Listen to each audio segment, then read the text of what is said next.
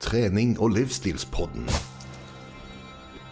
En podkast av PT Service fra hjertet i Stavanger.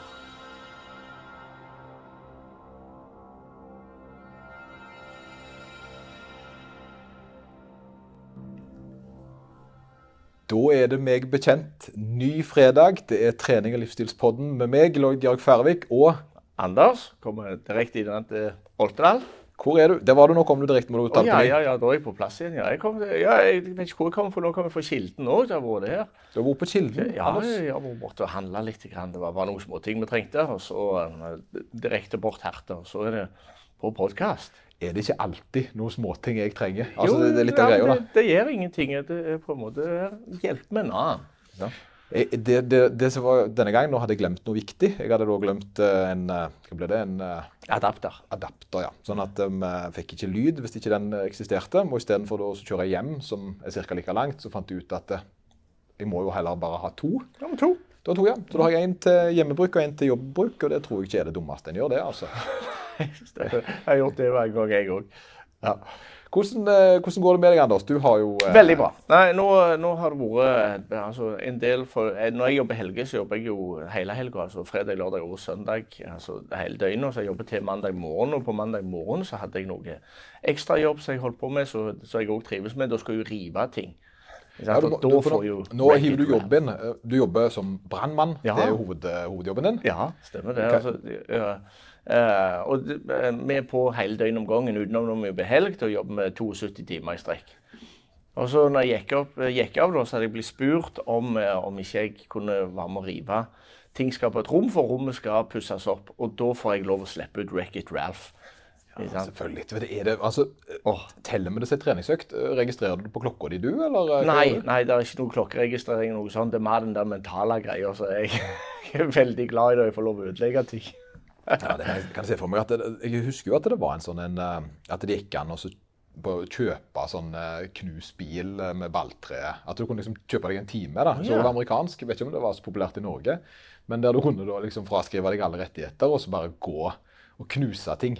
Eh, at det skulle være på en måte bra for deg, da. Ja, jo. du får ut sånn aggresjon. Det sitter mange som står og bokser på sånn boksesekk òg. Ikke sikkert de er boksere, men altså, de har lyst til å få ut litt aggresjon. Ja, tre, Trening er jo faktisk òg en fin måte å få ut eh, både frustrasjon og aggresjon på. Eh, og det, det er jo var det, var det med mening dette her, her du snakket om nå, eller var det rett og slett tilfeldig at du dro fram dette? Ja. For det er jo tema, det er jo tema, sant? Restitusjon er jo tema. Det er jo det som var litt artig. Det, for det, jeg eh, følte meg så smart når jeg innså at vi faktisk snakker om ukens tema. Altså at vi begynte med det istedenfor å kjøre Segway. Istedenfor å kjøre 20 minutter med innledning om noe helt annet. Men vi kan jo likevel gjøre litt det, da. Uh, nå er det jo flerbrukshallen i Oltedal som er det store, heta temaet, syns jeg. Iallfall for meg. Ja, ja, ja. Ja, for deg òg, ja. Ja, for meg òg. Ja, det er Ja, stort. Det er stas. Kompisen min uh, lever mitt liv litt. Grann. Jeg Stemmer det. Synes jo det er 70 stykk har meldt seg inn. 70. Ja. Det er 7% av Oltedal, faktisk. det, Forrige gang var det 4. ja, nå er vi oppe i 7 7%. Jeg vil si det er ganske bra når gymmet ditt har 7% av den totale befolkningen i uh, Området. området. Mhm. Da begynner det å komme av seg. Ja, det gjør det. Og det, altså, det, det er Alt er der. Nå har jeg vært med en del uh, yngre der. altså De mellom 13 og 16 som trenger en eller annen med seg. Og det syns jo jeg er fantastisk kjekt å få lov å, uh, å få lov å være med dem og få bidra litt. Grann. Eh, eh, vise dem hvordan maskinene virker, eh, og se at de får den der lille gnisten. Det, jeg syns det er jækla kjekt. Og Iallfall når de får det til. Og det er veldig mange av dem som får det til òg. Ja, tok du med deg noe fra siste episode? Da snakket vi om eh, Er det noe du har utført derifra? Ja, altså det, Vi snakker jo hele tida om noe, men bare det eh, Det beste tipset tror jeg som jeg tok med meg derifra, det tror jeg når du snakker om eh, det med å eh, legge på eller ta av kilo. Det med å heller ta av kilo og eh, få de til å føle mestring. Den tror jeg eh, den har jeg sett den fungerer på uansett hvor mye eller lite kilo de har. Altså, Får de det til, så er det mer enn sist gang, for det var ingen sist gang. Helt riktig. og det, det er, Men jeg tror det er, det, er nok en um, Til og med på erfarne løftere og Da skal vi ta på en måte gå rett inn i styrkeløftsammenheng, hvis du kan bruke det som et eksempel her. Så er det det at folk som da er med i konkurranser, eh, folk som skal delta, så har vi på en måte litt den her det er vanskelig, altså, En tenker ikke alltid at en konkurranse skal være en en, en del av en langs, langsiktig plan. Så det ofte folk gjør, det er at de uh, har gjerne ett, to gode løft, og så hopper de litt uh, si, hopper uh, Hva blir det da? Hopper etter grisen? Jeg vet ikke om det er et uttrykk. Virkola. Ja. Virkola, sant? At de tar liksom og går OK, de får uh, Si de får en tangering av tidligere rekord i andre løft, uh, og så øker de mer enn sannsynlig. Altså de, prosentgraden på det de får til, er såpass lite altså Det er lite sannsynlig at de skal mestre det. da. At de ender opp med å gjøre det samme som de gjorde på forrige konkurranse, selv om de i teorien da er sterkere, men de ble liksom for ivrige. Og Spesielt i markløft så har jo det vært en sånn greie der en gjerne øker 20 kg på siste løftet, når kanskje 5 hadde vært mer sannsynlig. Ja. Og Det er litt fordi en er litt gira, en er liksom toppen av stevnet, skal liksom virkelig jazze opp. Problemet med det er at det er jo ikke så veldig langsiktig. Eh, fordi du, du, får ikke bygd på den altså du får ikke den trappeeffekten i så stor grad i konkurranse heller. Og selv om du er med på NM, da, så er faktisk NM noe som en gjerne skal være med på flere ganger. Så hvis en da hopper sånn Jeg kan forstå det hvis det er i forbindelse med en palleplass. Mm. At en på en måte må løfte så og så mye for å en, altså konkurrere om en palleplass. For det husker en. Men det å på en måte bare gutse litt, det er litt uklokt fordi eh, en må gjøre det samme neste gang. For en har på en måte ikke satt noen nye rammer. Mm.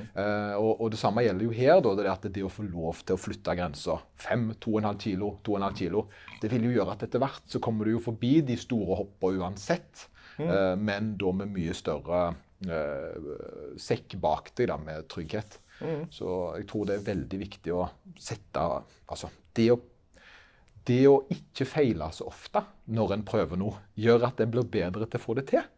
Ja. Har du merka det sjøl? Ja, jo. Eh, jo det, det, tror jeg faktisk jeg har merket litt før sjøl. Eh, I mitt tilfelle så har det òg vært sånn at det, eh, mange ganger så er jeg litt redd for å feile.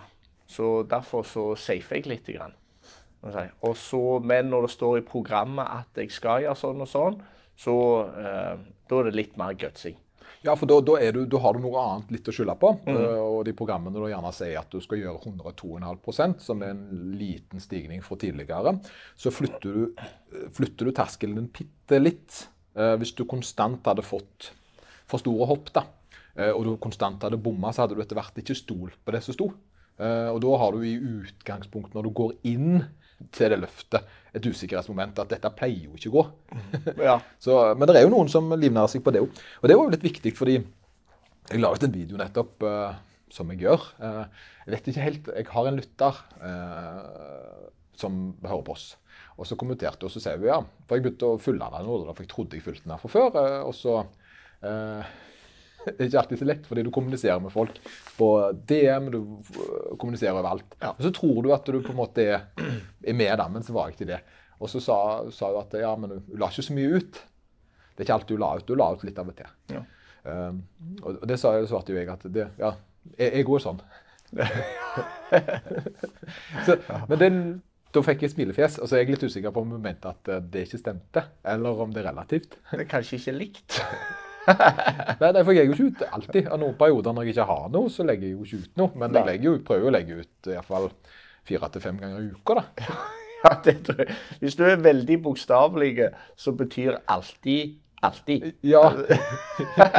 og det var nok det jeg innså. Det, at det er jo relativt. Men jeg føler jo Jeg legger jo eh, Og dette er litt sånn tullete, men jeg har ikke lyst til å komme med en sånn et innlegg som jeg ofte ser. Og det, Folk må få lov til det. altså Jeg skal ikke hate på de som gjør det. fordi jeg, eh, Det er ikke jeg som bestemmer hva som er rett. Men uh, en beklagelse for at de ikke har lagt innlegg. Oh, ja. det syns ikke jeg er et innlegg. Beklager at jeg ikke har lagt ut. Jeg har hatt det så travelt. Men så fint for deg, da. Kan du ikke bare legge ut når du har tid? da? Jeg, jeg, har, jeg har jo ikke lyst til å gi deg dårlig samvittighet for at du ikke legger ut. Nei, nei, nei. nei. Jeg vet ikke om de har avgitt et løfte at de skal legge ut så og så ofte. Da er jo på en måte, da har de brutt et eller annet. Ja, Da må de ha brutt et eget løfte, tenker jeg. For ja. jeg hadde iallfall ikke skrevet under på noen kontrakt om at uh, den personen skulle uh, minst. Nei, Da har du andre som kanskje Så, så det er litt, sånt, uh, litt annerledes med det. Men jeg, jeg tenker at folk må, må gjøre det som er viktig. Restitusjon, Anders, er du god på det? Uh, jeg har blitt bedre. det har jeg. Det jeg har ikke alltid vært sånn. Jeg snakket akkurat med, med en som snakka om det. for Det handler litt om det når jeg prøvde å snakke med en ungdom òg, eller en mellom 13 og 16 år. og Da prøvde jeg å si dette her at eh, restitusjon òg er viktig. Uh, og så kjenner jeg meg sjøl såpass godt at jeg er ikke veldig glad i restitusjon. Uh, men jeg har blitt flinkere på det. og så prøver jeg å fremme det for andre, fordi jeg kjenner litt viktigheten til dette med restitusjon. Så prøver jeg hele tida å bli bedre. Ja, for jeg, for jeg var jo lik. Altså, jeg vil jo heller ta et kosttilskudd enn å altså, for Noen så er det jo litt sånn enklere. De gjerne ikke syns det er så givende. Men jeg har jo alltid vært en sånn en som mer, mer. sant? Skal jeg mm. trene, så, så vil jeg jo trene masse. Og, og, restitusjon, ja, ja, ja. Det teller jo mest for andre folk, ikke for meg. Eh, ja. For, og da vil jeg jo Så det å forstå behovet for at kroppen skal hente seg inn, har vært en ting som tok meg veldig lang tid. Og Jeg kan ikke lenger skylde på ungdommen, uh, men det er jo ikke stort. Altså, jeg er blitt bedre å balansere det, da. Men, uh, men, jeg ser jo til og med nå at i perioder der jeg ufrivillig må bremse litt ned, så får jeg jo bedre resultater. Uh, så det er jo denne balansen med om jeg da egentlig trener fordi det er bra for meg, eller jeg trener fordi jeg føler altså jeg må. Det, det, at det, resultat, jeg er jo resultatbasert, jeg, som person. Men likevel så frarøver jeg meg resultater med å trene. Kjempe. kjempe. Men, uh, og, men, der er jo folk litt forskjellige, så det er jo kanskje det, for det er jo en av de motivasjonsfaktorene som gjør at jeg fortsetter, da, som gjerne påvirker meg negativt. Men viktigheten av å ha restitusjon er jo ikke oppskrytt, la oss bare si det. Eh, for eh, hvis folk har et mål med treninga, utenom å ha det kjekt, eh, så vil jo restitusjon være en veldig viktig del av det. Eh, og det er jo litt det som er temaet i dag. Ikke bare da hva det betyr, men eh, hvordan en kan optimalisere det. da. Og dette var jo da, Ja, det var et spørsmål du fikk det. Ja. Jeg, jeg, og det skal være sagt at de siste ukene Anders, så har det bobla litt i DM. altså. Hvis det er lov å si? Ja, ja, ja. ja, ja, Det har bobla litt. Det har vært litt sånn Du, du sa det, og 'Å, jeg syns det, og jeg lytter på' og Dette var faktisk et lytterspørsmål. Nå skal jeg være, Han jeg name-dropper her. Ja. ja. Fordi eh, det er jo en som, eh, som har vært med på poden. Det er jo Mr. Asgear. Det her er selveste 400, mhm. selveste 1000, som kom med dette spørsmålet her. Og han tenkte nok litt i sin retning. og det at dette var noe han kunne trenge. Så jeg er litt fargelagd i denne saken her mot han, da. For det, mm. han er jo en styrkeløfter, dyktig på landslaget, så han kan brukes som på en måte et lite eksempel uh, på dette. Ja, og så skal du bruke meg på den andre sida, da. Ja, det er ikke andre sida. Det blir, blir, det blir, du, du, er ikke toppen på Mount Everest, men uh, det er, er lite oksygen der du er òg. ja. Nei, jeg, eh, jeg liker godt eh, Altså, det, det, er masse ting jeg kan lære her. Så jeg tenker bare eh, jeg, Hvis det er noe jeg lurer på, så stiller jeg bare spørsmål. Og så tenker jeg at uh, sikkert andre òg lurer på de samme spørsmålene som meg. Ja, Håper jeg. Ja, ja men det tror jeg, det tror jeg sjøl lærte. Også, la, la, oss ta litt framgangsmåten. Hvordan er det vi gjør disse episodene? Hvorfor gjør vi det hver uke? Fordi vi kommer på et spennende tema, meg og deg. Uh, og gjerne enten sammen eller tilfeldig, eller noen andre kommer på det. Og så Ja, det var spennende. Så setter jeg meg ned og så begynner jeg å lese litt. Uh, og gjerne så har vi jo rørt ved det ved tidligere episoder. Akkurat her så har vi jo det. Det skulle vi slutte å si, men det er jo da litt av uh, reisen til denne episoden har jo da vært min lange lange liste med notislapper, som jeg er veldig glad i. Der jeg kunne gå inn og se ok, den hadde jeg lest om før, der har jeg skrevet litt der. Og så går jeg lenger inn, og så finner jeg litt nye ting på akkurat de samme, uh, samme måtene. da, altså at jeg på en måte tar ut litt ifra tidligere, for vi har berørt det. Men også prøver jeg å få et større bilde av det. da. Og Restitusjon er jo det kroppen trenger for å hente seg inn igjen. Um, som eh, da, etter du har enten gjort en aktivitet eller eksistert. ja. Det er litt sånn greit. Vi trenger ikke på en måte å forklare det i den her altså, Det fins podder som går uh, med inn i hormoner og sånt, men, men sant, altså Jeg liker mer helhet. Jeg har alltid vært mer sånn, mer sånn holistisk. Uh, hva er det store bildet? Hva er det som hjelper oss som mennesker? Hvordan kan jeg fortelle dette til noen som gjerne ikke engang trener, og så skal de forstå det? Det er på en måte alltid mitt det er det jeg ønsker. da. Uh, så, men selvfølgelig, den må jo gjennom noen ord hvis den skal på en måte skal, skal høres ut som at en altså en må lese noe. Hvor var vi hen? Nei, det var restitusjon. Det handla bare om at det, det er kroppen som gjenoppretter balanse, eller kroppen som kommer tilbake. Ja. Kommer tilbake ifra en fysisk aktivitet eller en psykisk aktivitet eller alt mulig imellom. Eh, og for oss som i trening- og livsstilspodden, eller folk som hører på her, så handler det gjerne om hvordan en skal optimalisere treningen sin. Enten løping, om det er styrketrening. Hvordan kan en sørge for at en best mulig henter seg inn mellom hver treningsøkt. Det er jo egentlig det som eh, gjerne er hovedtemaet. Men så er det litt det grann òg Kati restituerer en. Uh, altså trening når for det tingen er at det, trening er jo noe som en påvirker kroppen med belastning. Altså en, gir en belastning til kroppen. F.eks. enten via å løfte ting, eller løpe eller sykle, som da gjør at kroppen trenger å hente seg inn igjen etterpå. Og Før så sa en alltid det at en uh, revna muskelfibrer. Det var det en på en måte påsto. Men det er ikke bare det, ser du. Det er masse andre, masse andre ting. Og det er, ikke, det, er ikke, ordet, det er ikke bare det, så er det ikke alltid det heller. For vi har gått litt vekk ifra det at vi bygger musklene sammen igjen. Ja. Det er til og med gått vekk fra der. Jo, men, men det er jo uh, på en måte et, billed, en billedlig måte å si det på til noen som kanskje ikke har trent før. Hva er det du gjør for noe da? Er du river foran musklene, eller du river det litt sånn? Og når du slapper av eller restituerer, så bygger de seg sammen igjen. Bare litt større. Ja, Men de gjør ikke det. Nei, Men det trenger du ikke å si. Jo, det, er fin, det, er en fin, billedlig måte å si ja, det på. Fin, ja, men det er veldig viktig å si at ja, det skjer, men det skjer òg ikke.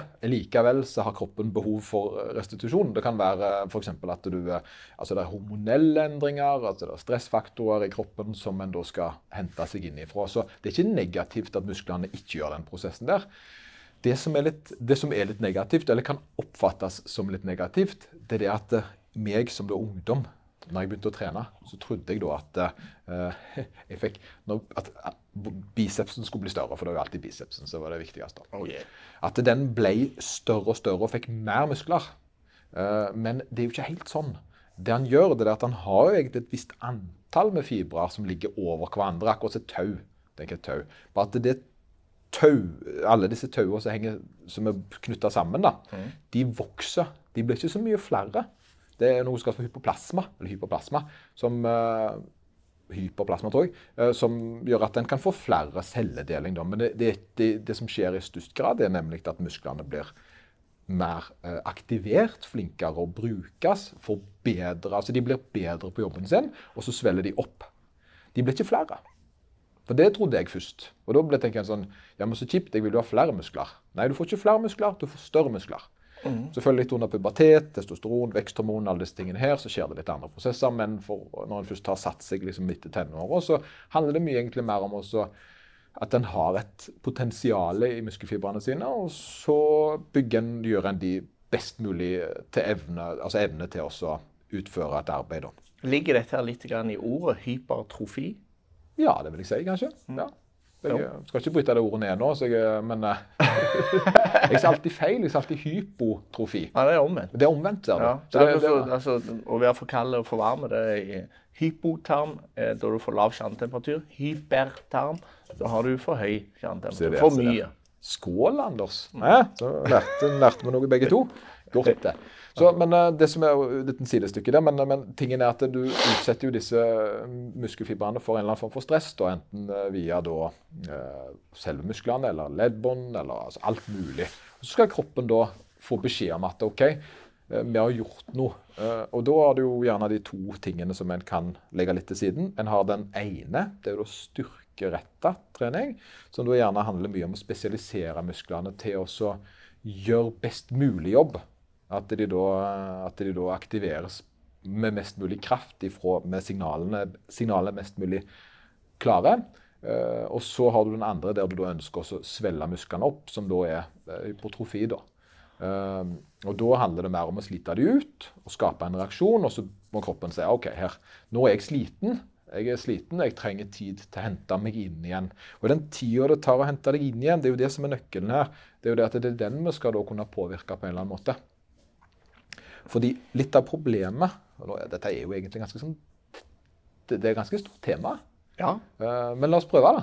Ja, ja vi, vi, vi tar litt om gangen og ser hvor langt vi kommer. Hvis Ja. det blir veldig mye, så tar vi bare en episode til. Del to, kanskje. Vi får se, vi får se hvis det er interesse for det. Så, men men eh, det som jeg gjerne ser, det er at OK, når har kroppen fått nok? Det er jo et eh, ganske spennende tema. fordi det er jo ikke en sånn en Du får ti treningsmynter, bruk de opp. Og så skal alle bruke de opp. Sant? Så får du fem på Noen kan trene mer enn andre. Og her handler Det da om, det er, den andre faktoren som er litt viktig her. Det er jo det at en eh, da ser, eh, Før så tenkte en alltid dette her med trash volum, f.eks. At hvis en trente et visst antall, så, så nådde en en maks. da. Det var det kroppen klarte å hente ut. Men eh, sannheten er jo det at eh, en ser selv med økt, økt, økt volum, så klarer kroppen å tilpasse seg det og skape eh, en reaksjon selv med ganske mye trening, mer enn en trodde før. Eh, og, så Derfor er det litt, det handler egentlig litt om hvor en er hen. Så eh, noen kan med andre ord trene mye mer enn andre. Eh, og jeg husker, Dette er ikke tall som jeg kan verifisere, men det var som vi brukte i styrkeløftsammenheng. Så var det det at i eh, årlig volum så så jeg det at nybegynnere skulle ligge på rundt 8000 repetisjoner. Dette er litt utdatert, for dette er 15 år gammelt. Mens advanced lå opp mot 16 000. Altså de hadde en dobbel mengde flere sett. Og belastningen var gjerne høyere, for de var jo Så en har jo da trent opp kroppen til å tåle mer eh, over tid. Og dermed så må en jo gi mer stimuli enn en nybegynner. Så dermed så har en allerede sett det at restitusjonen restitusjon er jo forskjellig fordi folk har forskjellig behov for aktivering. Så en person da som har trent lenge, trenger mindre restitusjon på samme belastning som en som har trent mindre. Er du med på den? Ja, ja. Ja, og det, og det gjør jo da at For ellers hadde det blitt sånn jo sterkere du ble, jo lengre måtte du ha fri imellom. Men det er jo ikke sånn. Eh, og der ser en, og grunnen til det er at før så så en eh, Da var det nervesystemet vi, vi var veldig på. Og det forstår vi ikke helt 100% Og i alle fall ikke jeg, for å si det sånn. Men jeg lærte iallfall det at hvis du tok en kjempetunge markløft, så måtte du ha tre uker på å restituere deg. Men så sier studiene nei, må ikke det, ser du. Eh, med nervesystemet ditt 48 timer. Back. Back into business. Og det er jo litt rart, sant? for hva er det som skjer da når du føler deg utmatta? For de aller, aller fleste klarer ikke å ta en maksmark og så vente to dager og ta den en gang til. Hva er det som skjer der hvis det ikke er kroppen, da? Jeg tror jo fortsatt litt at det er litt mer utmattelse enn en gjerne har klart å påvise på studier. For det er ikke så lett å kjøre maks, maks, og så kjøre en randomized eh, studie på det. Men det jeg tror i større grad det handler om, det er den mentale fatiguen. Eh, At det er der vi har mye å hente inn. For jeg ser folk som nå Før så trente vi ikke sånn som dette, men nå gjør vi det. Det er folk jeg har trent sjøl som har vært oppe i 250 kg i knebøy en gang i uka. At de tar det en gang i uka som en del av oppvarminga si før arbeidssettene. Sant? Ja, okay. Og, og da vil du tenke at 250 kg på en kropp, eh, det hadde, altså, Først og fremst, jeg hadde tatt 250 kilo, så hadde jeg vært død. jo, jo, men til 250, eh, hvor på skalaen er dette for de personene du snakker om? For den personen her så er det knapt 90 Ja, okay. kanskje 85% Så dette er jo da Men fortsatt, og det er det som gjerne folk ikke forstår, fortsatt så er 250 kilo 250 kilo, så belastningen den har på kroppen, er fortsatt det samme. Selv om en er sterkere, så er jo akkurat det samme belastningen på knærne og anklene. Sant? Det er jo ikke sånn at vektene blir mindre verdifulle selv om en er sterkere. Og det er det som er litt av problemet. da. Det var jo sånn jeg skada meg uh, første gangen. Det var jo det at jeg var blitt såpass sterk at 160 i knebøy var lett i gåseøynene. Så når jeg hadde da femmere på 160, så hadde jeg en lett dag. Og så skulle jeg tøffe meg litt da, og prate litt og skravle mens jeg løfta. Var ikke påskrudd. Hadde 160 kg uh, på kroppen. Satt meg på huk. Tulla og tøysa. Kroppen var ikke klar for vekta, som fortsatt var 160. Og da røyk lysken første gang. Da revna den. Fordi sant, jeg tok det ikke på alvor lenger. Og det er jo en sånn en, uh, veldig viktig ting, det at en må ta det på alvor. Logisk. Men, uh, men, uh, men så tenker jeg jo da, ok, hvorfor kan noen da løfte 250, da? Og Det handler jo om den tilpasninga som skjer over tid. For han har jo ikke mer restitusjonsbehov enn en person som løfter gjerne 100, fordi kroppen er ikke kommet så langt ennå.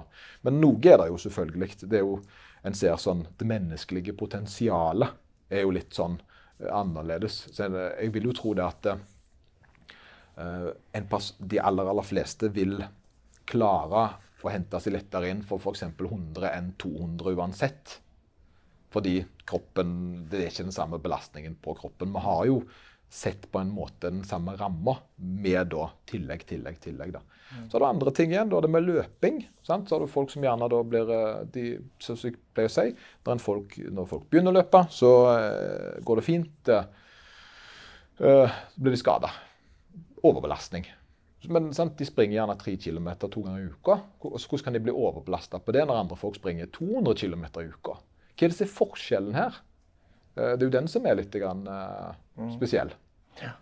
Uh, og da ser en da ja, det er strukturelle endringer, fordi kroppen klarer å gjøre strukturene. Vi klarer å bygge opp strukturene rundt knær, ankler og alt mulig sånn. Det tar bare tid. Så hvis en bruker lang tid på den reisen, så kommer en opp til sånn som meg, som springer 60-70 km i uka, eller da andre folk som springer 100-150. Så da, jeg fikk jo mer overbelastningsskader når jeg begynte å løpe, når jeg sprang 10 km i uka. Men de, de siste årene har jeg ikke hatt det. Den ene gangen jeg hadde med akilles, men da var jeg jo litt teit òg. men, men, likevel så var jo belastningen min den uka der jeg hadde akillesskade, høyere enn hele måneden jeg, når jeg trente løping i starten. Selv med en skade. Så det har jo skjedd en strukturell endring. Så, så det handler jo litt om å tilpasse kroppen til å tåle mer.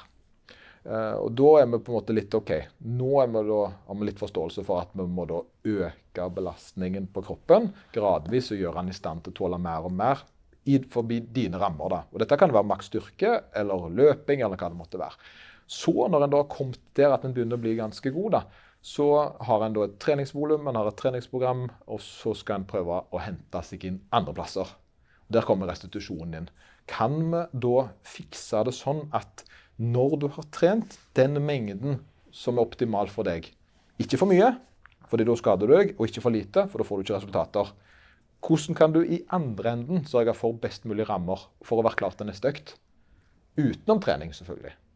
Det er jo litt spennende. Ja, jo, da tenker jeg litt grann, eh, bare på altså basicen. Hva, hva er restitusjon?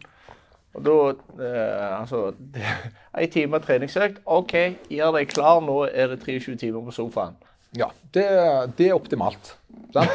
Men det er jo det. det, er jo, det. Altså, jo mindre stress du påfører kroppen da, eh, altså stress, enten psykisk stress eller fysisk stress, eh, er jo bedre. Misforstå meg rett, da. Det er jo visse faktorer som for Det kommer litt inn i med de forskjellige måtene å gjøre det på. Vi har f.eks.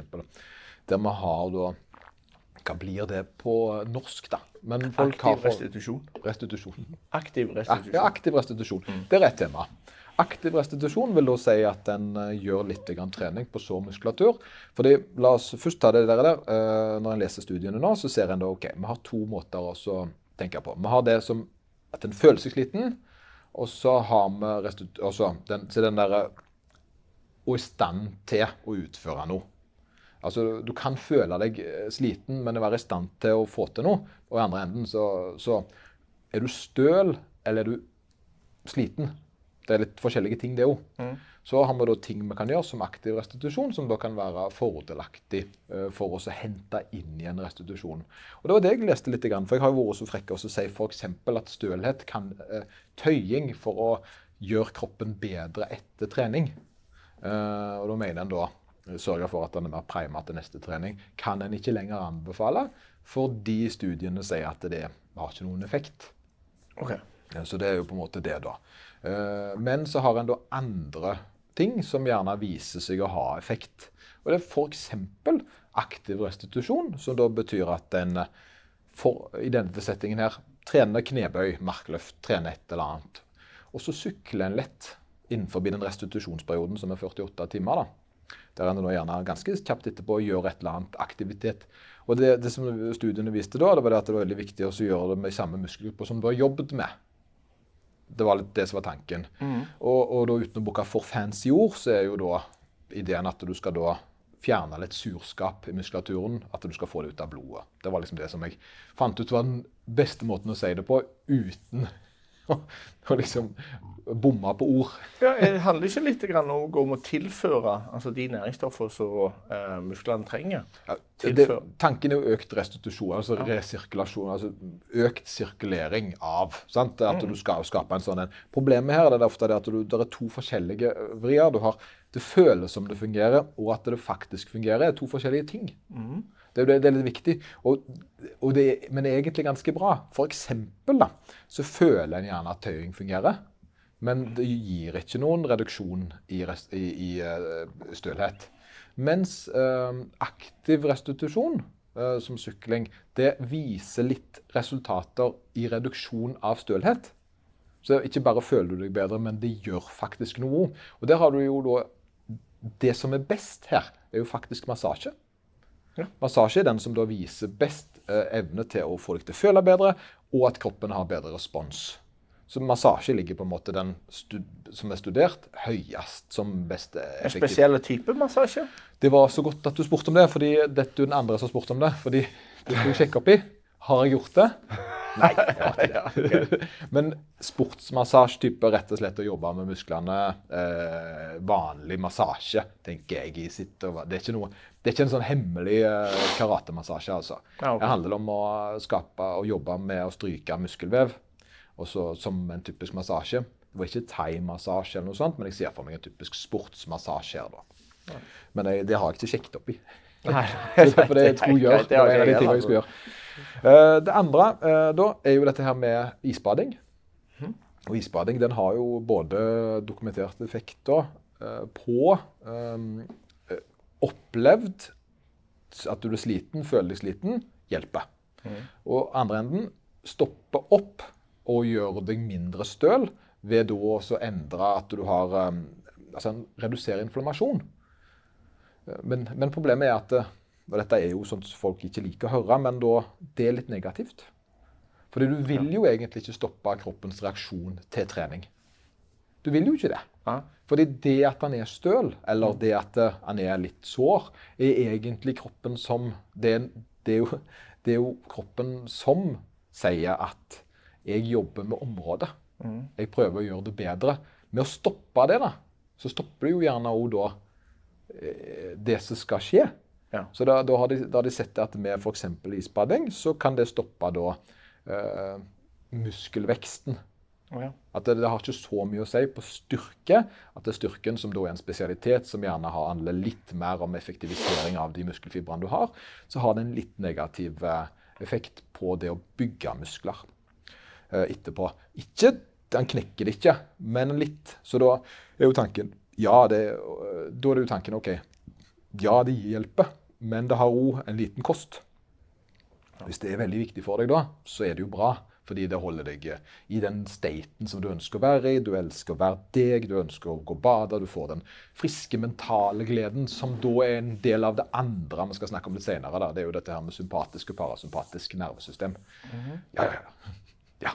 Men eh, så eh, Massasje, bra ja. for deg da, men litt vanskelig å få til. sant? For hvem er det som vil ha massasje til hver økt? da? Hvem er det som har råd til det, og hvem er det som vil? Ja, hvem er det? Alle vil. Alle vil. Alle vil. Ingen får. Så eh, så, så en da OK, eh, da kan en eh, tøying ikke fullt så effektivt eh, på det, men det kan hjelpe på opplevd stølhet. Og jeg hadde jo sjøl en ganske fin opplevelse med denne triggerpunkts sånne maskin, sånne massasjegun. Ja. Mm. Det kan simulere litt massasje, ser du. Og det har jeg brukt aktivt sjøl i den konkurransen der jeg hadde flere på samme dag. Det å gjøre seg klar mellom han, han fjerner jo ikke uh, inflammasjonen i musklene. Men han får meg til å føle meg mer klar til å yte. Og det kan være positivt. For, det, for mye av det handler jo om det mentale her. Så det da gjerne bruke en massasjepistol kan være positivt. Eh, hvis en da ønsker å gjerne føle seg litt mer klar, som igjen kan være at en beveger seg og har litt bare mentalt bedre, som igjen. Eh, og det siste da, som jeg har null peiling på, men òg dukket opp her, som jeg har lyst til å sjekke ut av, det var jo en liten shout-out da til, til nå står det Åmund, Amund, som da har vært med på programmet. Mm. Han traff jeg på Posten her om dagen. Ja, han hadde kjøpt seg uh, sånne compression garments. Går dere på Posten ennå? Post, ja. ja. Kan jeg ha en liten rant av Posten. Kan jeg det? Ja, ja, Ja, for jeg, jeg var så sur her. Jeg eh, har jo fått Finn-dilla, så jeg skulle jo selge ting på Finn.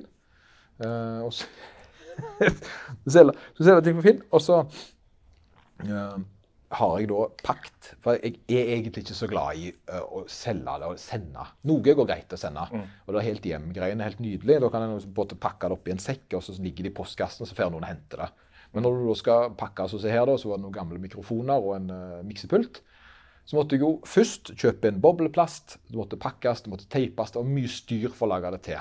Og det er en litt sånn kost for meg, for det tar jo mye tid. Og så var det, det var ikke en tusenlapp engang. sant? Så det var, det var lite penger og sånn i tillegg, så det var liksom OK. Stress, da. Så, men til slutt da, så sitter jeg med den flotte boksen, og da var jeg jo litt stolt, for jeg hadde jo klart å pakke det så fint. så så jeg, eh, gikk jeg bort til da Post i bensinstasjon, som vi da har, og skulle levere inn pakken. Nei. Tar ikke imot pakke på eh, Post i bensinstasjon. Du kan, de leverer ut, eh, men jeg er da nødt til å så, eh, Jeg var nødt til å kjøpe eh, Kall det frimerke da, via Posten-app. eh, eh, sånn at jeg kunne klargjøre den for å sende den til pakkeboks. Så at de kunne gå der. Så gjør jeg det på mobilen, for da tenkte jeg jeg skulle være lur. Så går jeg inn til samme person igjen. Og da sier jeg nå når jeg kjøpt det. Det står her at du kan printe ut lapp. Nei, han kunne ikke det. Jeg måtte printe ut sjøl. Kunne kun det på Post Nord, ikke på vanlig post. Så det var altså komplett umulig å levere en pakke på posten. Det er det jeg prøver å si. Eh, Ja. Da er vi kommet der, altså. Ja.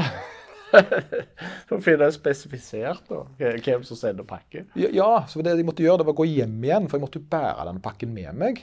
Og stakkar meg, men sant, nå var vi oppe i et par timer på denne pakken, altså.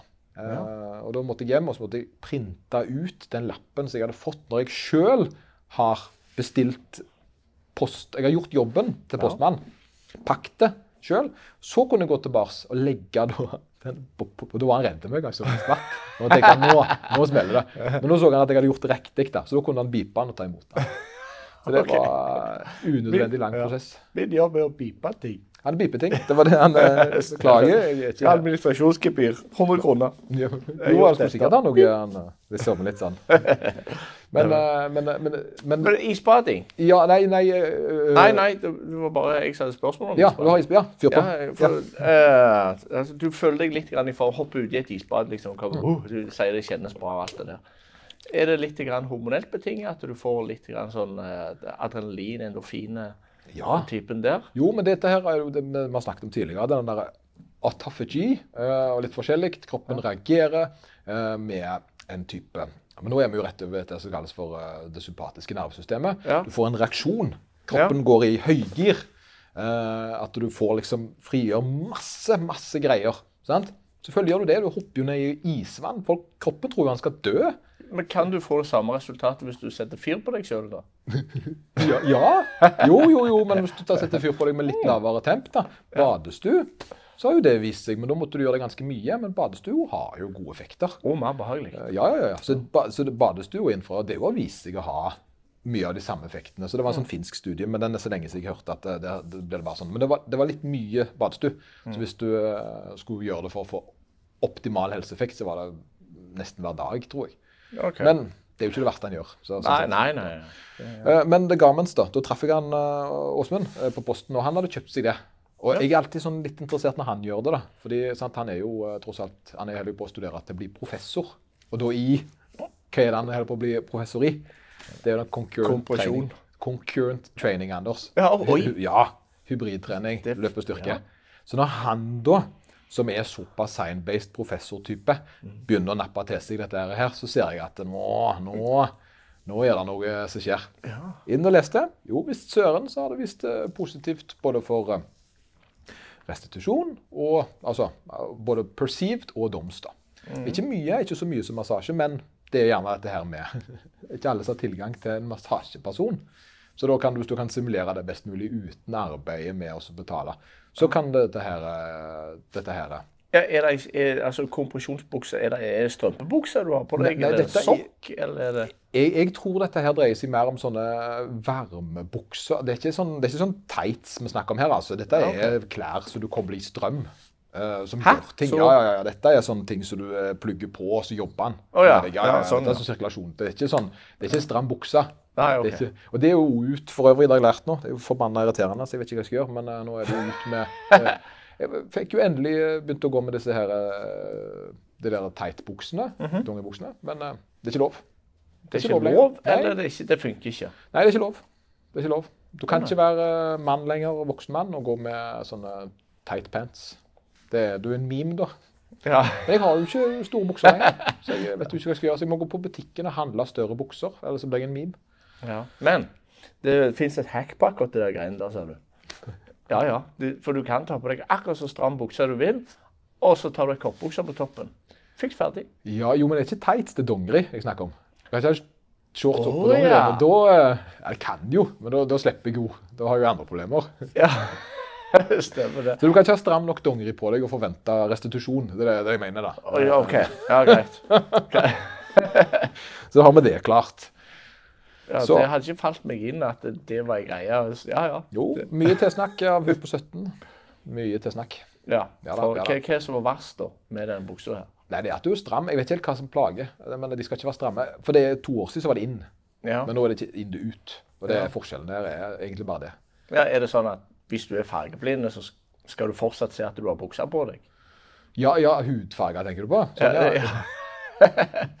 ja. Men treningstights tror jeg fortsatt er inn. Men det, Ja, det er litt okay, sånn med det, det, Dette her, jeg begynner jo å bli tynn i håret, sant? eller jeg er blitt tynn i håret. Eh, og det er jo ikke Problemet er jo egentlig ikke det å være tynn i håret. Eh, det som er det største problemet med det, er at eh, hvis du lar håret gro litt ut, så ser det ut som jeg ikke er bevisst på det sjøl. Så ulempen med å være kort i håret handler jo ikke om at jeg er kort i håret, men at eh, folk tror jeg ikke er klar over det. Ah, Hvis du har en liten måned der, eh, og, du ikke, og du går ut blant folk, så kan folk tenke at han, han vet ikke. Og det er den følelsen en er redd for, ser du. Det handler ikke om at håret har datt av. Kjemperart. Men det tror jeg er litt sånn med de der eh, stramme buksene òg. Stemmer det. Om han er klar over Om han er klar over at det er ut. Ja, men jeg tror det er sånn. Okay. Det er sånn. For det, okay. de, de ble jo ikke mindre behagelige å gå med. Nå har jeg jo gått inn nå. Det er jo det du gjør med dongeri. Ja, ja nei, jeg, jeg, jeg, jeg har ikke altfor mange av det der helt, helt tettsittede greiene. Det- Praktikalitet, Lloyd. Se her. Ja, du, ser, er ja, du, slipper unna med norrøne. altså. Du gjør det. Dette er sånne turbukser. I Oltedal må du ha turbukser på. Du er jo, det er jo spontantur om du går ut. Ja, ja. Ja. Stemmer det. Du går Jeg, jeg gleder meg til å legge ut. Jeg har lagt, eh, det, har, det har blitt video eh, av, eh, det har blitt video av inne- og utesko. Det gleder jeg meg til. Å, ja, den, den, den tror jeg faktisk jeg skal legge inn på treningssenteret i Oltedal òg. Den går på skjermene der, så den, den kommer. Og eh, jeg så jo Oltedal-historien. Den nærmer seg 15 000 views eh, på TikTok. Så, så den traff tydeligvis mange. Mm -hmm. Mer enn folk som bor i Oltedal, faktisk. Så det er skumlere å kjøre til Oltedal enn å bo i Oltedal. Det er vel egentlig det jeg ser. Nei, nei, ja, jeg tror det er du som syns. Jeg har et par venner, jeg òg, ser du. Ja. ja, de er ikke redde. Nei, og de, de uh, lurte på hvem jeg omgikk. Skal du si, redde kjøreturtolten. uh, Jo, jo, men det. men hva er det, hva, det altså de her kompresjonsbuksene eller kompresjonsstrømpene, hva er det de gjør for restitusjonen? jeg vil mistenke da, for dette skal jeg finne ut av, for jeg må jo ha dingser, Mm. Det er jo at eh, det, det sørger for en eller annen form for eh, sirkulasjon med å enten ha en bevegelse som en massasje lignende. At det, det gjør at det jobber at det skaper en eller annen muskelflow inn, som da skal være bra. Eh, At det er det som er hensikten med disse, da. Uten at jeg har så mye uh, kunnskap om det. Men det er iallfall verdt å sjekke opp i, fordi nettopp studiene Det dukker opp på studier nå, og så så jeg ok, men det viser seg jo at det er ikke en hoax, liksom. Det er dokumentert. Og dette var, dette var hva det var for noe. Det var en, det var en eh, oversiktsstudie over randomized trials. Altså, så det var en oversiktsstudie som bare tok med seg de beste studiene du får. Ja. Så det var jo ikke en liten sånn fillegreie heller. Det var liksom, her er det hva, Hvis vi tar og ser alt av, og så tar vi bare det beste Jo, og så skårer det litt. Eh, og da er det jo gjerne, og, da, det, og da en ser sånne ting, så tenker jeg nå selvfølgelig at uh, For noen er det jo mer relevant. Det er jo ikke alle det er så relevant for, men noen er det jo veldig relevant for. Og da kan det jo ha mer effekt for de enn andre. Mm. For noen er det gjerne ikke så viktig, uh, men, uh, men, for andre som gjerne vil optimalisere. Og det er jo det, Dette var en sånn annen samtale som jeg syns er viktig å ta. Fordi når vi snakker om alle disse tingene her, så er det jo ikke ting folk må ha. Det er jo ingenting folk må ha. og jeg la ut en Det er jo innesko. Ja, innesko. Ja, det må de ha. Det, det, der er det må, det must, eller unntaket. Men jeg, jeg tenker jo litt sånn at skal en altså, må, En må jo ikke være opphengt i verken tall eller alle disse greiene her. Mm. Men for noen så er det jo det som gjør det mer interessant. da. At de, uh, at de uh, bruker disse småtingene til å skape den lille ekstra som for de gjør at de har en grunn til å møte opp. Men det kan òg være veldig viktig i noen settinger eksempel så Kreatin har uh, da beviselig effekt. ikke sant? Det har vi jo da snakket om så mange ganger, og det trenger vi ikke å gå ut på. Men, men, det har på styrke en liten effekt. Nå viste det seg at du ble litt smartere av å ta det. Det var en studie som sa. det var det. Så, uh, og da var det ikke bare eldre. Det var òg at du, at du var litt bedre evne til å utføre jeg tror det var puslespill eller hva det var for noe. Mm. Anyways. Liten side. Men uh, om det gir deg bitte litt, da. Bitte, bitte litt Sant? Hvis det gir deg en liten, liten fortrinnsfordel uh, da, Hvis du sammenligner det med å ikke ta det, så har du disse personene da, som står der. OK, verdensrekorden er 125 kilo. Jeg løfter nå 124. Hvis kreatin da kan flytte meg en halv prosent, så kan det flytte meg over i verdensrekord. Så ja, det er minimalt, men i visse settinger så er det det som skiller verdensrekorden. Mm. Og det er det en da gjerne tenker ok, det er kanskje ikke for folk flest, men det er da en skjønner at ja, det er kanskje ikke der en skal starte. En skal starte med det andre vi skal snakke om i dag, som da er alle de andre viktige, lette tingene en skal gjøre noe med. Men en har da garments, en har kreatin, en har alle disse sånn små sakene. da. Ja, ja men det, altså, det der ordtaket 'mange elver små' uh, den, hvis du har mange av de tingene som gir en bitte liten ting, så blir det jo et større utslag. Eller? Kjempeutslag til slutt. Ja. Da, det, men det, det ser det. Så det, la oss ta de store elvene. Mm. fordi nå er vi litt på de mindre med dette her. Eh, sant, eh, som, som kan hjelpe. Altså, alle disse, ja. ja mm. Isbading og, og massasje og, og, sånt. Men OK, hva er de store, da? Hva er de store, Anders? Hva tror du de store er? Restitusjon? Ja. Uh, en av de er jo uh, å uh, slappe av. Den andre er jo den som har snakket om så aktiv restitusjon. Å få sirkulasjon til området ved å bevege seg lite grann. har maten noe med restitusjonen å gjøre? Er det der du vil? Ja, jo, men det er, det er enda større ord. Er er det det? Ja, ja, ja. Største Største Nei, da må jeg si pass. Si pass, ja. Det er søvn, Anders. Oh, ja. Det er søvn ja, okay, det som er ja. Det var jo egentlig det.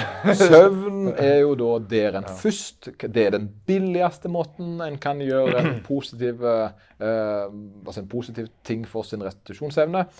Og ikke bare det, så har vi det med søvnkvalitet. Og så har vi søvnrytme. Og så har vi søvnlengde. Og Det er på en måte de tingene en kan perfeksjonere for å skape den optimale. Og jeg ville tenkt sånn OK, uh, ja, kreatin, bra. Men sant, hvor skal en fokusere først? Søvn, hva kan en gjøre for at det blir bedre, da? Det er det første. Mm. Så for det at eh, Vi har jo snakket om det før, og vi har jo eh, Jeg må slutte å si det ordet. Vi har flere lyttere som har kommet inn på, og, og nevnt det med søvn, for de blir litt stressa fordi de uh, jobber gjerne skift. Sant? Sånn som du. Du mm. jobber jo 72 timer i strekk på en brannstasjon. Det Er klart at, eh, er det optimalt for søvnen din? da? Nei, det er ikke optimalt. Det er jo ikke det. Eh, men det er jo det du lever av, og det er jo det som gjør at du får betalt regningene dine, og det gir deg glede i livet, og da har du på en måte de der andre tingene, da. Men OK, la meg ta til side det men du ikke kan gjøre noe med, som er jobb, mm. eh, barnesituasjonen, alle disse tingene her. Så OK. Eh, hvis vi skal tenke hva er optimalt og jeg, jeg, antar bare, og det er dårlig å si det, men at, det var, at det vår uh, uh, hovedgruppa vår, den som hører på oss, er mellom 20 og 50. da. Og så er det gjerne noen som yngre og noen eldre, men, men, mm. men, jeg tror det er der. Kanskje opp til 60, kanskje, tenker jeg. Stort. Og nå er jeg veldig sånn spekter. Uh, og da ser en det at jo yngre, en er, jo mer søvn. ikke sant? Det er logisk. Så, så da, um, hvis en går liksom ned på tenårene, så bør en egentlig ha åtte-ni timer minimum. Uh, mens da den lille vinduet som er bra for oss, fæle vinduet der, er mellom syv og ni. Så outlayers, outlayers alltid. Men syv og ni er på en måte den, uh, den der vanlige tiden en bør få med søvn. Uh, og, det, så, og det, da vet vi det. Så søvn er bra. Syv til ni. Og så om det andre igjen, som gjerne vi snakket om, uh, som, som også er faktisk blitt synliggjort at det er viktig, det er at vi er litt konsekvent på tida. Mm. Og det er jo noe vi kan ofte gjøre noe ja. med. At vi ikke bare skal være, ha syv eller ni timer, men vi skal ikke ha sånn at vi, vi presser så langt i ytterkantene at uh, vi legger oss ti en dag og ett en annen. At vi er litt konsekvent på leggetidene fordi kroppen liker rutiner. Det er jo bra for restitusjon. Fordi da har kroppen optimal grunn til å hente seg inn mellom da aktivitetene livet byr på. Uh, fordi det som er litt viktig, da, det er at uh, hvis du tar. Uh, eh, hvis du tar en ungdom, da, en tenåring som skal satse i styrkeløft, f.eks. Den ungdommen der kan teoretisk løfte fem-seks dager i uka. Har litt skole, ja. Litt stress med det. Men ellers veldig lite faktorer. Sover godt, spiser godt, bra restitusjon, kropp som fungerer. Sant? Men en har sjeldent barn, sjeldent ektefelle, sjeldent husleie altså allerede, altså Veldig sjeldent de stressfaktorene som en da påvirkes. Men jo mer av de ytre faktorene da en har Og dette her ser jeg for meg som ei gryte. Jeg ser for meg ei gryte der du hiver egentlig alt du gjør i løpet av ei uke. Sant? To barn, Anders kjekke barn. sant? Mm -hmm. nå er de litt eldre. Uh, det var mer stress før, vil jeg si. Det... Jo, det var annerledes. Altså, det, det er hele tida noe som bare altså, Hele situasjonen endrer seg hele tida. Altså på, jeg syns jo det er på en veldig positiv måte. De er ikke så avhengige av at jeg er der hele tida og skal være klovnen. Så det er på en måte ja, De underholder jo hverandre godt, her to. De er jo mm. det. Men uh, det er det med søvn, da, mm. så er jo de blitt bedre òg. Ja, ja, ja. De trenger mer søvn enn deg, og de er òg blitt bedre på det. Du har ikke lenger de barna som du da må Som da har et uh, våkningsbehov på natta, f.eks. At det de er ikke den delen der av livet lenger. Det er sjeldnere, da. Mm. Så der har han på en måte fått Men for noen så er det oppi gryta. Små barn mm. oppi der. Den gryta der, sant? den har da sånn jobb, sant? og så har en da stress. Kanskje en ikke har det så bra. Mm. Kanskje det er andre faktorer. Kanskje det er stressmomenter med jeg vet ikke, en søster som er dum, eller en onkel som er teit. Gudene vet. Oppi gryta. Uh, stress. Sjefen sjefen er dust. Trives ikke 100 i jobben. Slitsom jobb. Oppi gryta. Det, det jo, og den gryta der, det er jo den du skal jobbe imot. Og det er det som er problemet, at jo større den innholdet i den gryta er, jo mindre kan du jo egentlig gjøre av påkjenning på toppen. Så, så en ser at den gutten da, som gjerne har, eller jenter som har fem-seks fem, treningsøkter fordi de har optimale forhold, de klarer å hente seg inn ifra det. Uh, fordi de har ikke så mange ting i den gryta.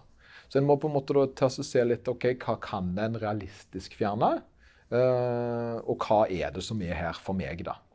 Uh, så må en da ta ut de tingene som en gjerne kan fikse litt med, eller optimalisere, og så da skape en økt restitusjon. Fordi det er ikke alltid best for å bli best å trene mest. Uh, mm. Av og til så handler det mer om å se hvordan en klarer å hente seg bedre inn mellom treningsøktene istedenfor å øke treninga. Mm. Det er jo logisk. Ja. Fordi da tipper du over. Sant? At du tipper over, trener for mye, skader deg. Og da, Det vil du ikke. Du klarer ikke å hente deg inn. og Det er jo det som skjer. De aller, aller fleste som skader seg, de faller enten på trynet og slår nesen uh, og får en vondt i nesen, eller så over tid da, så har de brutt kroppen såpass ned at den gir deg en eller annen belastningsskade. Og Den belastningsskaden den er jo kommet pga. at kroppen ikke har henta seg inn. Og den delen der kroppen henter seg inn, det er jo den vi skal optimalisere. Mm. Så da, søvn da, er det første tingen en skal se på. Ja, søvn, Da tenker jeg eh, søvn som altså Nå har vi antall timer, vi har sju til ni timer. Og så har vi at det skal være på samme tidspunkt hele tida, og sammenheng. Ja, for det er det som er, du vil helst ha kvalitet på det. Og du vil jo da mm. gjerne ha eh, så, så, eh, For det, om det var greit å dele det opp, liksom. Mm. Ikke så bra som å sove. For det, du vil jo ha den dype duppa opp igjen. Og når du da legger deg til samme tid, så menes det innenfor en time. Når du da begynner å gå ut ifra samme tid, så snakker vi da gjerne med tre timer. Så det er jo det er ikke sånn at du skal legge deg på minuttet. Men hvis du vanligvis legger deg klokka 11, da, så mellom 10 og 12 er et lite vindu. Mm. Mellom eh, 8 og 2 det er et stort vindu. Mm. Og når du ser de studiene der, så sier en det på den måten der at du har et vanvittig spekter. Jo større det er, jo mer negativt. Ja. Så hvis en klarer å legge seg ganske sånn innenfor, så, så er det bra. da. Og, og at han har sammenhengende søvn fra det tidspunktet han legger seg til han ja, ja. våkner. Og at det da er innenfor rutinemessig preg, at det ikke er for store hopp mellom hver gang du legger deg. At du mm. faktisk prøver å legge deg litt på faste tider. Uh, og du, det vil jo jeg tenke i andre enden nå ha, gi deg bedre rutiner når du står opp. Jeg står f.eks. alltid opp veldig tidlig, for jeg er blitt eldre, og det skjer tror jeg automatisk. Men jeg liker å ha god tid på morgenen. Så i morges så sto jeg opp da, sant, to timer før jeg skulle på jobb. Og da eh, tar jeg og gjør mine faste ting. Jeg spiser den gode frokosten min, får lest litt på Instagram og TikTok og alle disse tingene som jeg gjør. Får en ganske god og fredelig start på dagen. da. Hvis jeg da hadde lagt meg seinere fordi jeg bare ikke gadd å legge meg, sto opp senere, så fikk jeg plutselig en dårligere start på dagen. Kanskje stressprega dero. Så der har du den andre faktoren. Da, at en på en måte har en ganske sånn fast rutine som en trives med, så at ikke alt blir sånn kaos.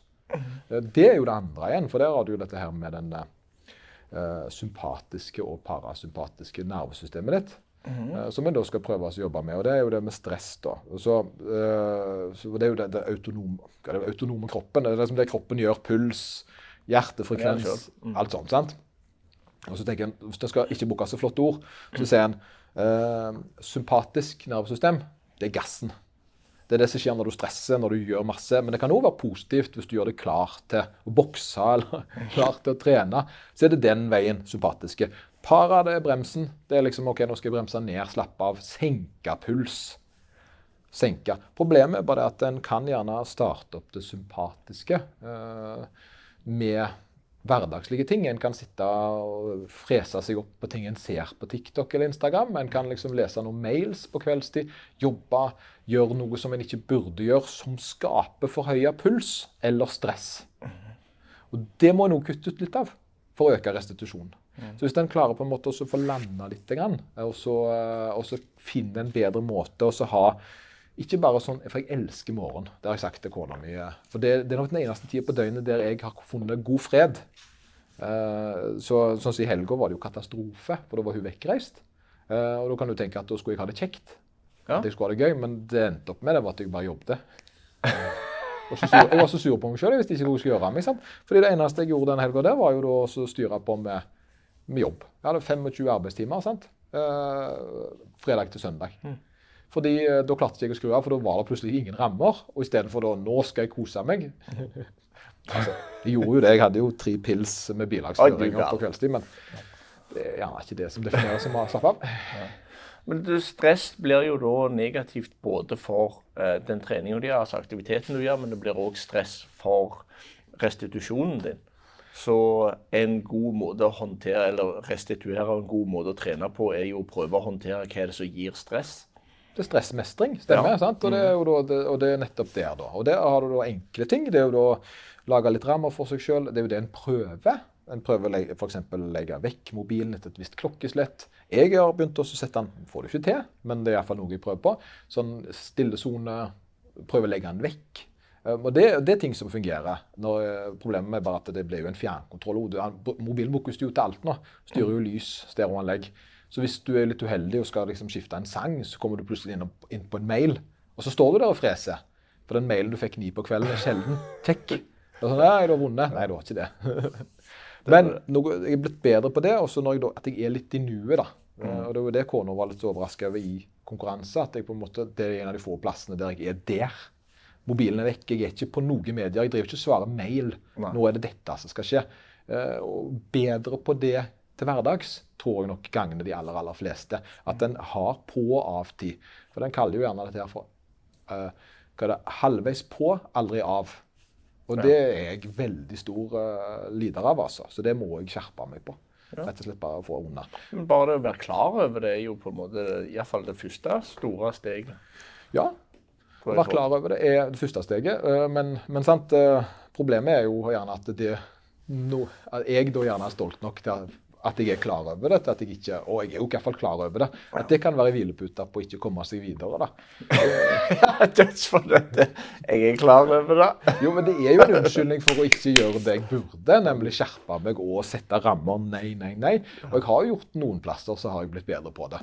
Uh, at jeg har på en måte prøvd å få jobben ut av helga, men sant? Ja. For det er jo mest for alle andre enn meg. Fordi jeg har jo tydeligvis ikke et liv utenom jobb. Definisjonen jobb igjen, det snakket vi om før, men, eh, men når kona var vekkreist, så var det jo krise. Så, så, men, men, igjen, eh, det da at en klarer å lage da rammer for seg sjøl eh, og prøve å finne ro der en da gjør ting som senker pulsen, og det er jo da å gjøre ting en liker. Mm. Så enkelt. Ja.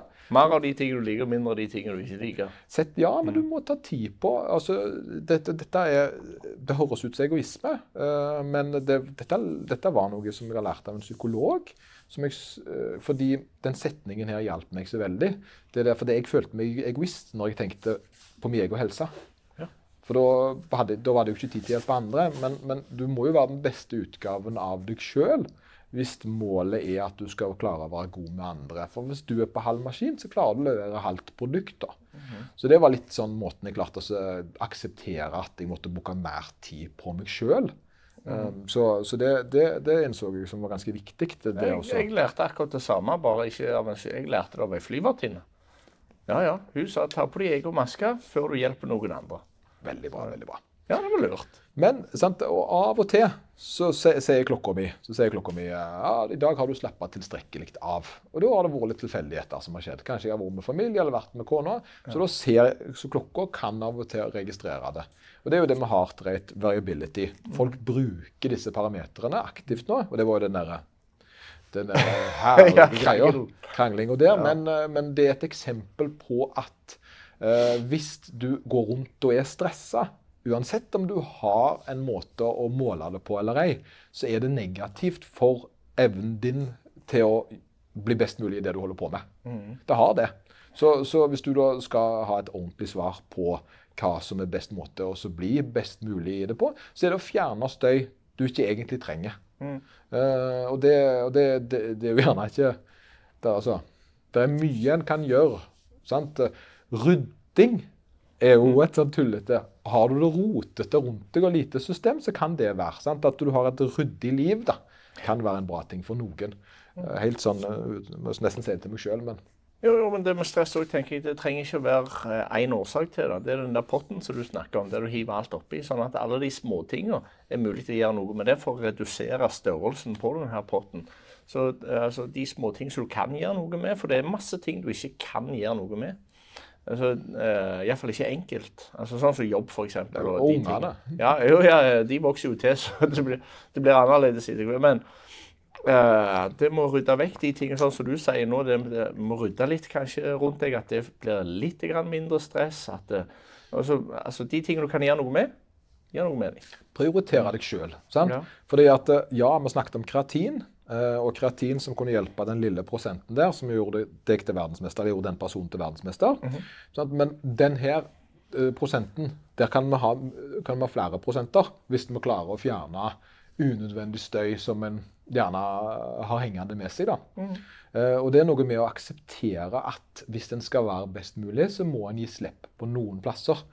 Uh, for det, dette med restitusjon for eksempel, handler jo om i den gryta her Hvis du skal bli best i styrkeløft, mm. eller i løping, eller i sykling, eller hva det måtte være for noe, så nytter det ikke uh, å ha masse, masse faktorer som spiller imot. På den ene sida har du den aktive negative. Det vil si at hvis intensjonen din er å bli god i styrkeløft, mm. så kan du ikke drive med langdistanse løping. Fordi det er samme gryte, restitusjon. Samtidig så har du faktisk endring i struktur på muskelfibrene. Noe kondisjon kan være bra. Bitte litt kondisjon kan være bra. Eh, en ser gjerne det, så, så si, litt aktiv sykling kan være bra for å skape restitusjon her, og det er sikkert bra for hjertet òg. Men den tunge, tunge treninga som en da gjør for det at eh, en skal bli god i løping, den er ikke bra. Men et annet eksempel, hvis du tar boksing, da.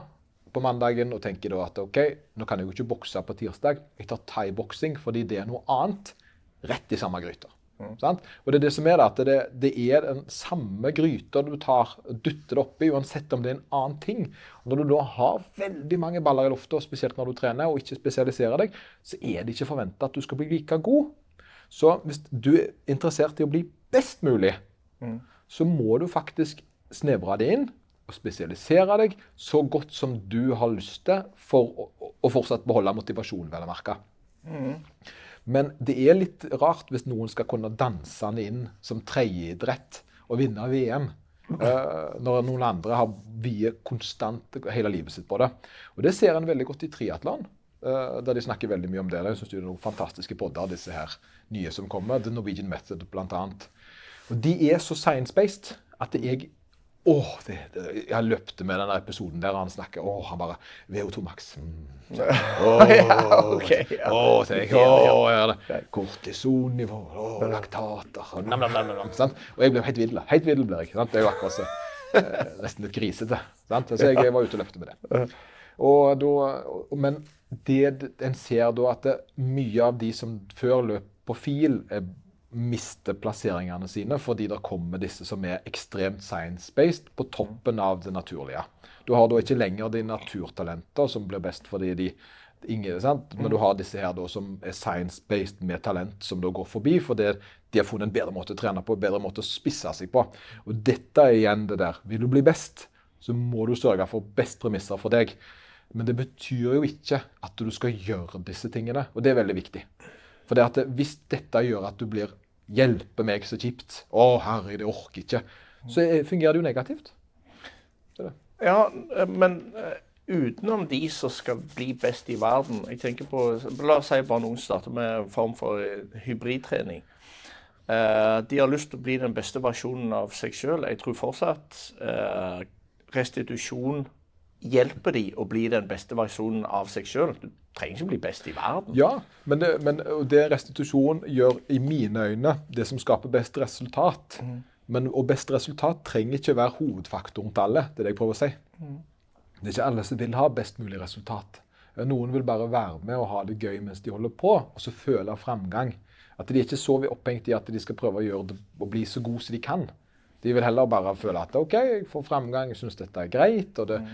holder på en måte den sunne helseverdien ved siden av. Treningen er for meg sekundært, liksom. Og de da de må jo finne den der eh, perfekte balansen mellom hva er det egentlig som driver meg, og hva er det som er nok. da. Fordi Hvis du skal hive alle disse reglene her på noen som egentlig ikke bryr seg så mye, så blir det jo negativt. Uh, og det er jo det jeg mener, at en må ikke. Men hvis en skal, så er det disse faktorene. Så kommer du på den nest, nest største, da. Jeg vil si de tre største faktorene. Søvn. Så er det mat. Eh, og der har du jo veldig mye du kan gjøre. Eh, fordi mat da, det er et stort tema. Vi har jo ikke all verdens tid, men la oss runde litt rundt, altså ta litt om maten. At, eh, hva er det som skjer når du spiser? Du tilfører kroppen verdifulle næringsstoff. altså tilfører kroppen planker, maling, sparkel, eh, skrujern. Altså de tingene du trenger for å pusse opp. Mm. Eh, problemet er hvis kvaliteten på produktene er dårlig, så blir det litt køsystem. og litt mer, Det blir ikke så optimal, eh, optimalt. Så For noen da så sier ja, OK, det optimale er å få i seg så og så mye protein. 1,62, det er liksom det studiene sier. Mm. Men du kan fortsatt få framgang på mindre. Uh, og da blir det sånn Godt nok for meg. Ja, og det er poenget der. Det er at det, ja, men det kan prosentmessig at du har en stigning. da. Du har en stigning på, jo, Hvis du er flinkere å få i deg på det jevne et høyere nivå av protein, så vil det sørge for at du får bedre resultat long term, fordi alle de andre faktorene vil være bedre. Protein, men samtidig, se f.eks. hvis du har D-vitaminmangel, som de fleste nordmenn har på høst og vår sant? Eh, og vinter. Eller ikke vår, kanskje, men iallfall høst og vinter så, så, er det en faktor som kan være negativ. Så har du jernmangel, har du disse tingene som er en årsak pga. at kosten din ikke er god nok, så er det ting som kroppen er nødt til å prioritere. Eh, og kroppen vil jo prioritere det viktigste først. Så, så da vil det andre havne i kø. Og Det er der en gjerne tenker at ja, en kommer jo til mål til slutt, men det tar lengre tid. Så det, vi vil, det er litt sånn Vi vil sørge for at Eh, kroppen går på best mulig drivstoff, at det ikke er liksom full i eh, Sånn som gamle påhengser da, som kjørte hosta og harka, men de kom seg jo framover. Ja.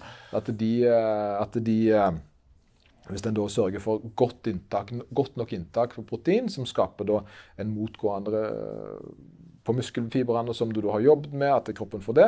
Samtidig som du sørger for et godt nok karbohydrat og fett, ikke minst. For fett må en òg ha nok av. Da optimaliserer en turen tilbake igjen. En kan ikke gå over så bra som kroppen klarer. Det klarer en jo ikke. Sant? Så det er jo det, det er da steroidene kommer inn, da. For steroidene sørger for at du egentlig har økt effekt på alt du gjør. Ja, okay. Eh, og det er jo da som gjerne den juksedelen, da. ikke sant? At en liksom, sørger for å gi kroppen For vi kan, vi kan komme opp til 100 med. Mm.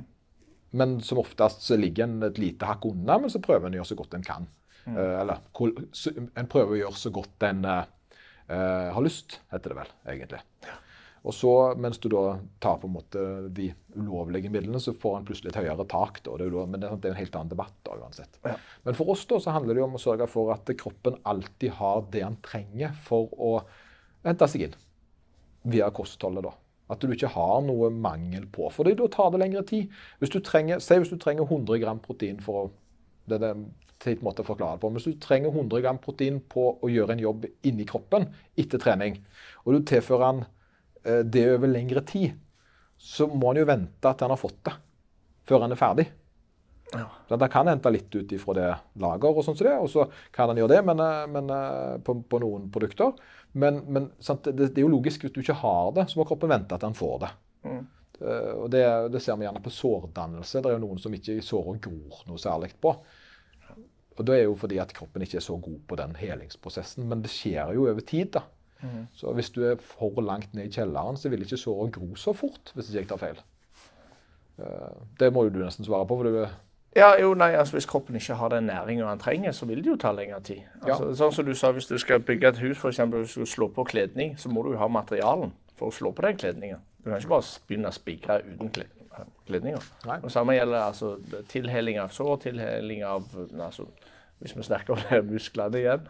Så eh, du, kroppen trenger de næringsstoffer for å gjøre det. Han, eh, ja. Ja. ja. Så, så da, og da, og da, da, ser en viktigheten. Så der en da kan gjøre det riktig, det er jo da med å sørge for at en har nok av eh, næringsstoffene. at det er kroppen, og da, og da er det dette her med at en ser ok, hvor vil en hen. Så har en et problem gjerne i forbindelse med en idrett. Der har en en vektklasse. Og Det er jo litt dumt, fordi du da har en i ene enden gjerne noen som, er, som veier litt mye når de starter en idrett. Eh, så vil en helst ligge enten ved vedlikehold eller litt i overskudd for å bygge. Da må en jo faktisk litt opp. Ja. Eh, det er jo litt vanskelig. Sant? En kan gjøre en eh, body recomposition der en på en måte går lavere i fettprosent, veier det samme fordi en har mer muskler. Men det er gjerne ikke der en starter. Da. Så, en, så, da, så en kan se det at en en sånn god, god hånd Hvis en virkelig skal bry seg her, så vil en si det at kropp, vekter skal alt, enten opp eller ned. Så i perioder skal den enten gå litt ned fordi du skal uh, gå ned i fettprosent, eller opp fordi du skal bygge i overskudd. Så du skal på en måte aldri bare la det henge, da, at det bare er vedlikeholdsvekt. fordi da gir du ikke kroppen den optimale forutsetningen for å skape. Så det er det en ser da, at det, gradvis de som styrkeløfter er, de, de blir høyere og høyere vektklasser ofte, eh, til det stabiliserer seg litt. Grann, da.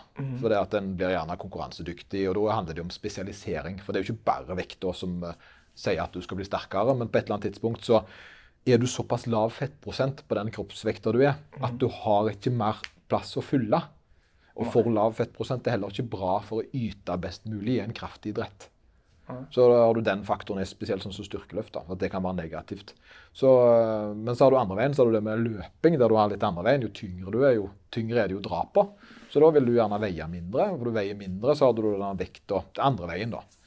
Så, så det er til andre påvirkninger, der du da spiser du mye dritt og ønsker å løpe fort, så kan en veldig lett løsning være å kutte i kosthold, sørge for at du veier mindre, sånn at du da løper fortere fordi du har mindre å bære på. Og for meg, f.eks., i den vekta jeg er, der jeg da ligger og svinger mellom 90 ca. i underkant av 90 og 85, så ser jeg klar forskjell på par kilo på farten jeg klarer å yte. Så nærmere jul er jeg alltid treigere enn nærmere sommeren. Og det er snakk om et par kilo, men når du skal springe 40-50 km med de par kiloene ekstra, så er det, det, er det betydelig. Ja, altså det er bare å prøve å ta på seg en vektvest og se hva som skjer. Ja, du blir tyngre. Du blir tyngre. Ja. Men jeg tror det var kjempegreier. eh, Hva Ja, mer skal vi Ja, nei, men vi må jo selvfølgelig mer, men akkurat om kost, da. Men disse tida løper løpe ifra, oss, må Ja, nei, nei, ja, jeg syns det, det var bra, men jeg bare mangla den der siste tredje tingen. For tingen, ja. restitusjon. Og ja, det var vel egentlig dette her med stressmestringa Ja, okay. som er den tredje viktige tingen. Dette med sympatisk og para. At du eh, ned Få ned stresset på de tingene. Så det var egentlig den tredje, da, mener jeg. Ja. Og så har du alt det andre i tillegg. På toppen. Da kan du gå isbade. Og Ja, ja, syns ja. folk skal gå isbade. Jeg er ikke imot det, altså. Jeg syns det ser kjempegøy ut. Ja. Eh, Jeg syns bare det ser iskaldt ut. Men eh, altså, kjempegøy det er kjempegøy å se hvor kjekt folk har det med det. jeg vil ikke. jeg vil ikke. Men ikke fordi det er dumt å gjøre det. Det er veldig viktig. Jeg er bare pysa.